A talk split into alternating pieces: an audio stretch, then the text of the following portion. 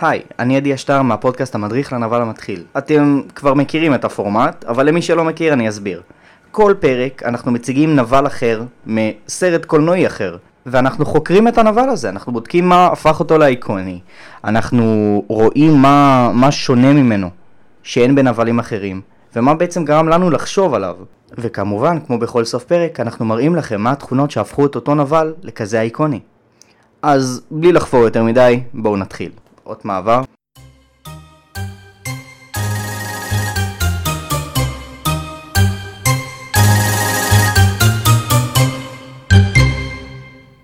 אז היום לא נדבר על נבל ספציפי, אך נדבר על משפחה של נבלים. אני בטוח שהרבה מכם שמעו על הסרט בחזרה לעתיד או אפילו ראו אותו. או יותר נכון שלושת הסרטים בסדרה הזאת. ונבל שחוזר בכל סרט זה אחד ממשפחת טנן. אם זה ביף טנן, הבריון של ג'ורג' מהסרט הראשון, או נכדו מהסרט השני גריף טנן, או אפילו ביופורד מד דוג טנן. נצר למשפחה זו מהמערב הפרוע. אבל רגע, בואו נעשה סדר בכל הבלגן, ונתחיל בלהבין איך נפלנו על משפחה של נבלים. אז בסרט הראשון בטרילוגיה אנחנו מכירים את ביף טנן, הבריון של אביו של מרטי, ג'ורג' מקפליי, כאשר מרטי מופיע בעבר. ביף גם מאוהב באשתו לעתיד של ג'ורג' ואימו של מרטי, לוריין. כמובן שאנחנו יודעים איך זה נגמר. ובתחילת הסרט הראשון אנחנו רואים שביף הוא מנהל העבודה של ג'ורג', אבו של מרטי, אבל בואו נחזור לעבר. ולאחר שמרטי שינה קצת את העבר, ביף הפך להיות סוכן רכב, ודווקא ג'ורג' סוחר את שירותיו של ביף, מה שמראה לנו על החלשת הנבל והעצמת הגיבור. פה נגמר הסרט הראשון, אבל אם חשבתם שסיימנו עם ביף, אז עדיין לא. בסרט השני, כאשר מרטי ודוק נוסעים לשנת 2015, ביף הזקן מאזין לשיחתם לגבי מסע בזמן, לוקח מחברת עם תוצאות משחקי ספורט מהעבר, גונב את מכונת הזמן ונותן אותה לביף הצעיר. כאשר דוק ומרטי חוזרים לשנת 1985 הם מגלים כי ביף נהיה מיליונר מהימורים על תוצאות הספורט האלה וכתוצאה מכך הוא הופך את בית המשפט של העירייה לקזינו מפואר בעל 27 קומות כמו כן העירייה עכשיו בבעלותו של ביף וביף הצליח לרצוח את אביו של מרטי במהלך שנות ה-70 והתחתן מאוחר יותר עם אמו של מרטי מגניב נכון?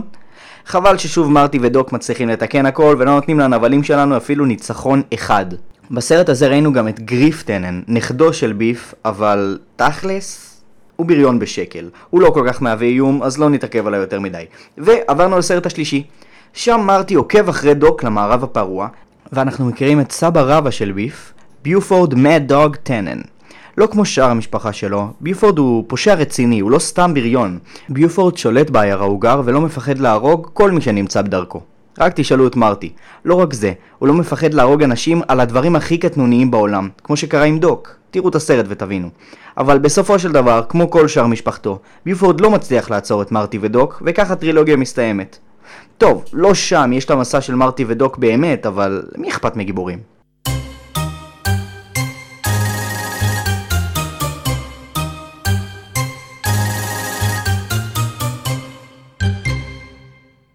אוקיי, אז כיסינו בעצם שלושה נבלים.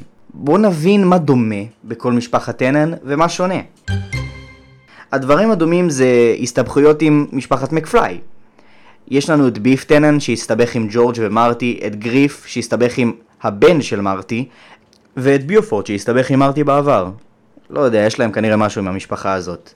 ולא רק שהם מסתבכים עם בן משפחת מקפליי, הם תמיד מפסידים לו. אבל אני לא רוצה לדבר על זה יותר מדי, כי אני לא מבין מה האובססיה של הוליווד לתת לנבלים תמיד להפסיד! ונעבור לדברים השונים, טיפ טיפה יותר רגוע. אה, ביופורד הרבה יותר קטלני. ביופורד הורג אנשים, יש לו כנופיה, הוא שולט בעיירה שלו. גריף סתם ילד כאפות, לא רוצה לדבר עליו, מגיע לך להפסיד. וביף הרבה יותר ערמומי, חכם, שקט כזה. יודעים שיש לו תוכנית. אני חושב שביף, תכלס, גם בגלל שיש לו הכי הרבה זמן מסך, הוא הדמות הכי מפותחת מכל השלושה האלה.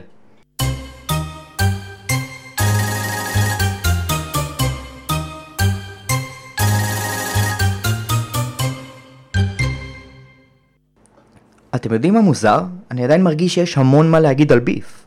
אז קבלו כמה עובדות מעניינות עליו. הדמות קיבלה את שמה מאחד ממפיקי יוניברסל, טד טנן, שהתייחס אל במאי הסרט, רוברט זמקיז, בגואליות בזמן ישיבת תסריט של סרט אחר שעשה עבורו, רוצה לאחוז בידך. והנה עוד עובדה, תום ווילסון ששיחק את ביף כבר לא יכל יותר לענות למעריצים שוב ושוב על אותן שאלות. אז הוא פשוט הכין תשובות מוכנות לשאלות שכיחות וחילק למי ששאל. זה גאוני, לא? תחשבו על זה שאתם הולכים ברחוב וחוזים את מה שמעריץ בא לשאול אותך. ונסיים עם העובדה שמבחינתי היא הכי מעניינת. ביף טנן מבוסס על דונלד טראמפ? תסריטאי הסרט בוב גייל הודה בכך שגרסת העתיד המעוות של ויף ב"בחזרה לעתיד 2" מבוססת על נשיא ארצות הברית. ב-1989. זה מטורף. בסרט, להזכיר, הוא הופך לברון עשיר עם תסרוקת מוזרה ובניין פאר על שמו. נשמע לכם מוכר, נכון? ואני רק אשים את זה פה שמגדלי טראמפ נבנו חמש שנים לפני יציאת הסרט. יתרה מכך, הילרי קלינטון, יריבתו של טראמפ בבחירות הנשיאות של 2016 בארצות הברית, עלתה על הדמיון והתייחסה לזה בפרסומת שעשתה לקראת הנשיאות, שם הזהירה מנשיאות ביף טנן. זה מדהים, נכון?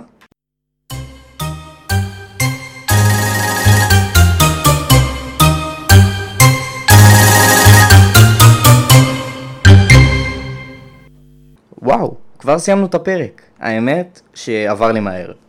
אז, לסיכום, הפרק הזה היה קצת שונה. לא סיקרנו נבל אחד, אלא שלושה נבלים מאותה משפחה. ויצא לנו גם לעבור על טרילוגיה שלמה של סרטים מצוינים. אם אתם שואלים אותי זה הספק ממש טוב. אז עכשיו, כמו תמיד, בואו ננסה להבין מה הפך את משפחת טנן למשפחה של נבלים כל כך מצוינים. וגריף. מבחינתי זה הרצון שלהם להיות בשליטה.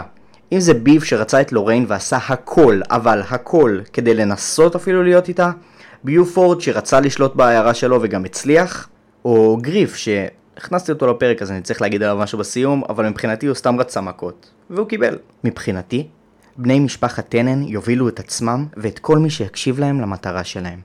מה שהופך אותם למנהיגים. ומבחינתי, להיות מנהיג זה אחת התכונות הכי חשובות בלהיות נבל.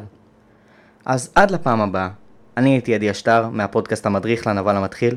תודה שהקשבתם. ביי.